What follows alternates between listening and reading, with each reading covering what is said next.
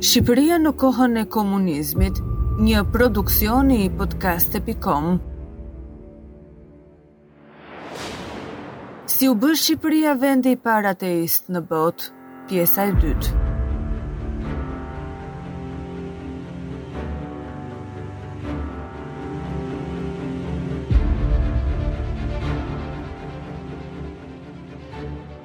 Ramazani pas hekurave të burgut. Klerikët myslimanë shqiptarë gjithashtu iu nënshtruan shtypjes nga regjimi komunist, Mehdi Kraja djali i një prej figurave më të famshme myslimane në Shqipëri, Hafiz Ali Kraja, kujton se babai i tij kaloi shumë vite në burg pasi mbajti një fjalim me titull Çfarë është komunizmi dhe pasojat e tij për fenë dhe kombin shqiptar. Fjalimi i tij bëri që Hafiz Ali Kraja u klasifikua menjëherë si një antikomunist dhe kjo e detyroi atë të fshihej me një familje në qytetin e Shkodrës për rreth dy vjet. nga viti 44 deri në vitin 46. Ai u fsheh në një bodrum nga i cili doli vetëm pasi u shpall një amnisti e cila premtonte të gjithë atyre që kërkohen nga autoritetet se do t'u falet dënimi me vdekje dhe vetëm do të burgosen. Hafiz Ali Kraja atëherë u dënua me 25 vjet burg, por ndërsa fshihej, vëllezërit e tij ishin torturuar nga autoritetet në përpjekje për t'i bërë ata të zbulonin vendndodhjen e tij. Ne nuk i treguam babait tonë se çfarë po ndodhte, por ai u habit kur vëllezërit e tij shkuan në burg, tha djali i tij, Mehdi Kraja. Fëmijët e klerikut u rritën pa e parë atë. Kur ai doli nga burgu, motra ime kishte frikë se nuk mund ta kuptonte që ai ishte babai i saj. Unë vetë e pashë babanë në shtëpi për herë të parë në moshën njëzet e gjashtë vjeçare, kujton Mehdi Kraja. Ai gjithashtu kujtoi se ishte keqtrajtuar në shkollë sepse babai i tij ishte në burg për veprimtaritë e tij fetare. Në një incident, një mësues e detyroi atë të rrinte në këmbë në klasë dhe u përpoq ta poshtëronte, duke e quajtur atë bir i një reaksionari dhe bir të një armiku të popullit.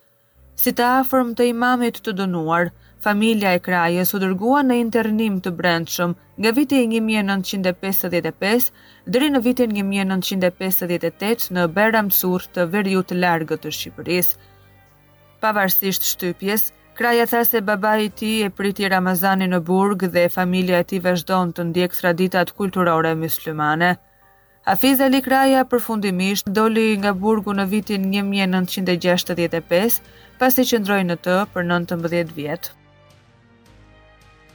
S'e kisha parë kurrë në shtëpi babanë. Një nga historitë më tragjike dhe absurde të persekutimit komunist në Shqipëri është ajo e At Shtjefen Kurtit. Kurti lindi në vitin 1898 në Kosovë, që në atë kohë ishte pjesë e Perandorisë Osmane, Ai studioi në Austri dhe Romë dhe pasi u shugurua si prift, erdhi në Shqipëri, ku iu dha dhe shtetësia dhe mbështetja për misionin e tij katolik nga mbreti Zog. Nipi i tij, Nikolin Kurti, tha se ai ishte një prift tek i cili ishte rrëfyer Nënë Tereza dhe Mbretëresha Geraldinë në oborrin mbretëror deri në vitin një mijë e nëntëqind e tridhjetë e nëntë. Por pasi mbaroi Lufta e Dytë Botërore, me Partinë e Punës së Hoxhës tani në pushtet, Shtjefen Kurti u arrestua në vitin një mijë e nëntëqind e dyzet e gjashtë dhe u dënua me njëzet vjet burg si agjent perëndimor, nga të cilat kreu vetëm shtatëmbëdhjetë vjet. Ai u lirua në moshën gjashtëdhjetë e tetë vjeçare, kujton nipi i tij Nikolin Kurti. Kur doli nga burgu, në vitin një mijë e nëntëqind e gjashtëdhjetë e katër, ai u kthye në shtëpi një natë edhe ajo ishte nata kur unë e njoha për herë të parë personalisht. Ai ishte i rrudhur, i kërrusur, i sëmurë, tha Kurti. Tre vjet pas lirimit të tij, Hoxha përshpejtoi luftën e tij kundër fesë dhe pas prishjes së kishave dhe xhamive, Kurti, tani i moshuar dhe i sëmurë, u caktua të bënte punë bujqësore në një fshat.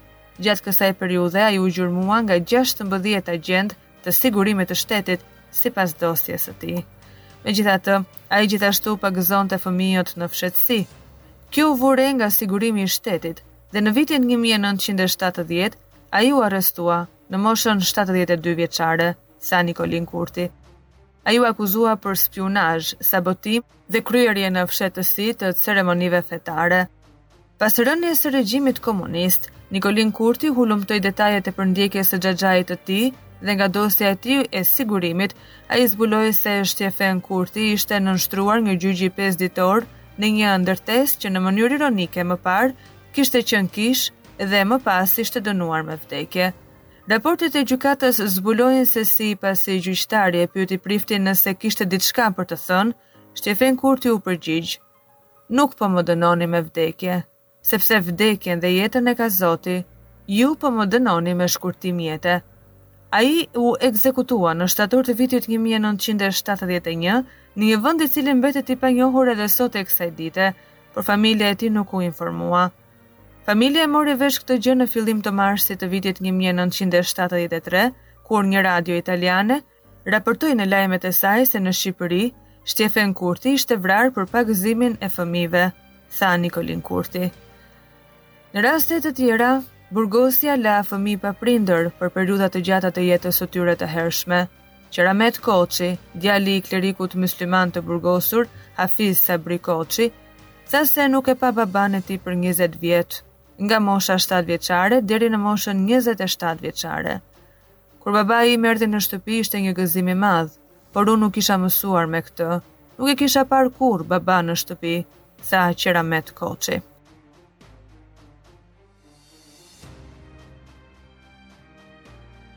Filmat përhapin propagandën antifetare. Gjatë epokës së Hoxhës, një ekip kinematografik në Kinostudion Shqipëria e Re iu përkushtua prodhimit të filmave që përhapnin propagandë antifetare. Në filmat me tituj si Liri a vdekje dhe të vdesësh në këmbë, klerikët u akuzuan për organizimin e martesave të detyruara, të korruptuara, duke u përpjekur të rrëzonin autoritetet për marrje ndihme nga fuqitë e huaja dhe si tradhtarë.